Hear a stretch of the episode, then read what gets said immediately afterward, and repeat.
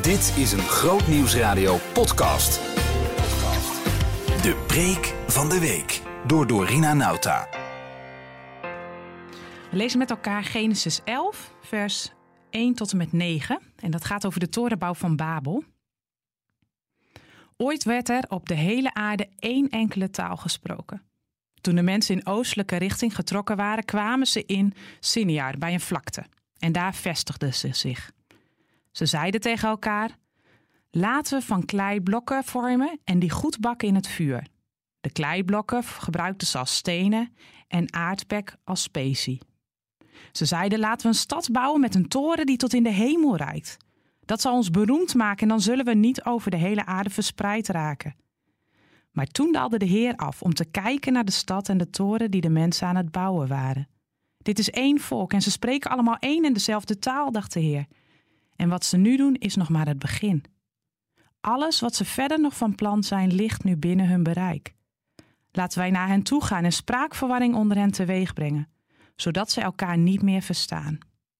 De Heer verspreidde hen vandaar over de hele aarde, en de bouw van de stad werd gestaakt. En zo komt het dat die stad Babel heet, want daar bracht de Heer verwarring in de taal, die op de hele aarde gesproken werd.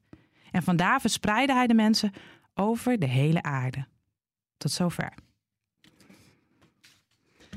De wereldwijde kerk is een gekleurd geheel. Het is een enorme diversiteit aan mensen die Jezus willen volgen. En een paar jaar geleden was ik me daar enorm bewust van. Ik was bij een bijeenkomst waar christenen uit de hele wereld waren. Heel bijzonder om zo de wereldwijde kerk vertegenwoordigd te zien. Al die verschillende huidskleuren, al die talen, al die contexten. En we hadden eigenlijk maar één ding gemeen. We wilden allemaal met Jezus wandelen. In ons eigen levens, in onze eigen context, in ons eigen land. En het voelde ook wel als een groot contrast, moet ik zeggen, met een gemiddelde zondagochtend in mijn eigen kerk. Die diverse kerk. Het klinkt heel mooi, maar het was ook niet zo makkelijk ergens. Ik voelde me, toen ik daar was, ongelooflijk wit, Nederlands en direct. En het was soms bijna onmogelijk om elkaar te begrijpen. Ik zie nog het gezicht voor me van een Afrikaanse zendeling die in Australië werkte toen ik vertelde dat ik als vrouw regelmatig spreek. Hij begreep er niks van. En dat brengt ons dan ook bij het verhaal van de torenbouw van Babel. De oorsprong van al die verschillende talen. Een ongelooflijk actueel verhaal over diversiteit. Het is een groep mensen die hun naam willen bouwen om de wereld te laten zien wie ze zijn. En samen gaan ze aan de slag. We lezen geen persoonlijke namen. De enige naam in dit verhaal die genoemd wordt is de naam van God. En ze worden de mensen van Babel genoemd. Genoemd naar de plaats waar ze wonen. Net als ik genoemd word naar de plek waar ik vandaan kom. Een Groninger. Of misschien ben jij een Fries, een Amsterdammer, een Tukker. Op basis van waar je vandaan komt. En zo worden deze mensen genoemd naar de stad die ze gebouwd hebben. Daar is die, hun naam. Ze wilden een naam bouwen en wat voor een. De mensen van Babel worden ze genoemd. En dat betekent letterlijk gebrabbel. Mensen van de wartaal, mensen van het gebrabbel. Niet echt een goede binnenkomen. Hebben ze eindelijk een naam gemaakt, is het zo'n naam. En als je dan kijkt naar het hoofdstuk hiervoor, wat we niet gelezen hebben, dan gaat het over de mensen van de ark. Zo worden ze genoemd de nakomelingen van Noach. Noach die als eerst instructies kreeg van God en vervolgens de ark gaat bouwen. Het lijkt wel de omgekeerde wereld met het verhaal van de torenbouw van Babel. En de zondvloed die daarna komt en daarna God die een belofte geeft die zegt ik zal dit nooit meer doen. En meteen geeft God dan Noach en zijn familie ook een opdracht. Dezelfde opdracht als die God aan Adam en Eva gegeven had in Genesis. De grote opdracht van God aan de mensheid aan het begin van de Bijbel. En die opdracht is: wees vruchtbaar, word talrijk en verspreid je over de hele aarde. Maar daar lijken de mensen in Babel geen zin in te hebben. Ze doen precies het tegenovergestelde dan wat God van hen vraagt. God zegt: verspreid je over de hele aarde. En wat doen zij? We gaan een naam bouwen, een stad maken, zodat we lekker bij elkaar kunnen blijven. Het is bijna een soort pubergedrag. Doe dit en ze doen precies het tegenovergestelde. Van de belofte van God gaan ze naar vertrouwen op zichzelf. Van het bouwen van een ark naar het bouwen van een toren. Van een goddelijk plan naar een eigen gekozen strategie. En hoe is dat gegaan? We vallen vanochtend midden in een referendum. Een soort bijeenkomst waar de plannen besproken worden hoe er gebouwd gaat worden. Laten we een stad bouwen, een toren. Om te laten zien hoe machtig we wel niet zijn zodat we elkaar terug kunnen vinden. Een toren die zo hoog is als de hemel. Een toren die ons maakt als God.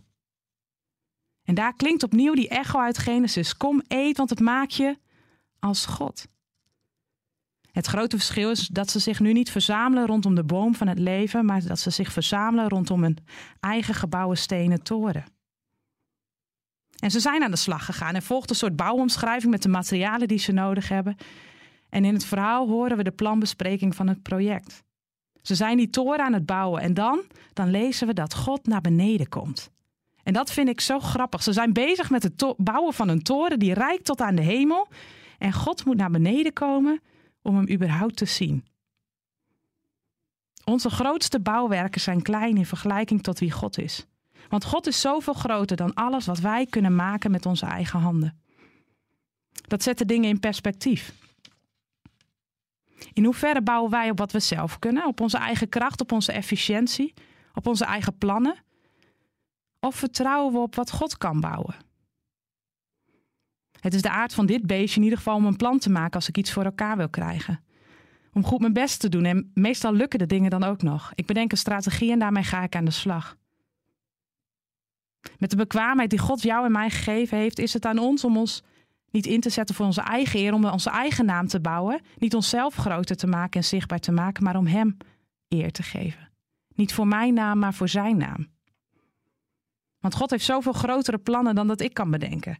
En zijn werken zijn ook groter dan dat wij ooit voor elkaar kunnen krijgen. En dat geeft ook lucht. Want we hoeven het niet zelf te doen. We hoeven het niet zelf te maken en te bedenken. En God kijkt naar beneden en hij ziet het. Kijk, dit volk is tot alles in staat. Dit is nog maar het begin. Ze zijn niet te stoppen, omdat ze allemaal dezelfde taal spreken. En ze hoeven zich maar iets voor te nemen en ze krijgen het voor elkaar. En dan, dan verwart God hun taal.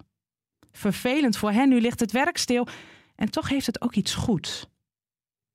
Je kunt het je misschien niet voorstellen, want hoeveel uren tijd kost het ons om, om een nieuwe taal te leren, om elkaar te begrijpen. En iedereen die ooit taallessen gevolgd heeft, of op school Duits, Frans, Nederlands gevolgd heeft, je weet het. Wat een geploeter. Allemaal verschillende talen en culturen. En dat is niet alleen een straf van God, maar ook een enorme rijkdom. Want onze wereld is zoveel rijker en mooier geworden door al die verschillende culturen. Want wat kan ik veel leren van mijn broers en zussen die hun geloof zo anders beleven dan ik? Maar voor die mensen in Babel is het vooral lastig. Ze verstaan elkaar niet meer en ze stoppen met het bouwen van de toren. Ze verspreiden zich en elke groep gaat ergens anders wonen. En dan springen we even een heel eind door in de Bijbel. Met Pinksteren doet de Heilige Geest namelijk opnieuw een taalwonder. Want iedereen hoort het evangelie in zijn eigen taal. Voor het eerst verstaan ze elkaar weer. En kunnen ze samen gaan bouwen. Dit keer niet op basis van hun eigen plannen en ideeën, maar God neemt hier het initiatief. En deze groep mensen van de eerste kerk bouwen een naam. Niet de mensen van het gebrabbel, maar de mensen van de weg worden ze genoemd. Volgelingen van Jezus Christus. En dat is de naam die ze krijgen, vernoemd naar Jezus. En vanaf die plek vindt dan opnieuw, net als in Babel, een verspreiding plaats. Waarbij het evangelie gedeeld wordt over de hele aarde en uiteindelijk ook in Europa terechtkomt. Samen bouwen ze de naam van Christus. Wie zijn naam bouwen wij? Wie zijn naam bouw jij? Want het gaat niet om het bouwen van onze eigen naam, maar om het verspreiden van Gods geluid. En dat doen we met een diverse groep van mensen, met die wereldwijde kerk. Want zonder die ander, die zo anders is dan jij, zijn we niet compleet. Sterker nog, die ander laat mij iets zien van het rijke karakter van God. We hebben elkaar nodig om samen zijn naam te bouwen. En het mooie is dat we dan wereldwijd bouwen aan zijn kerk. Dat we in al onze diversiteit samen bouwen aan het koninkrijk van God.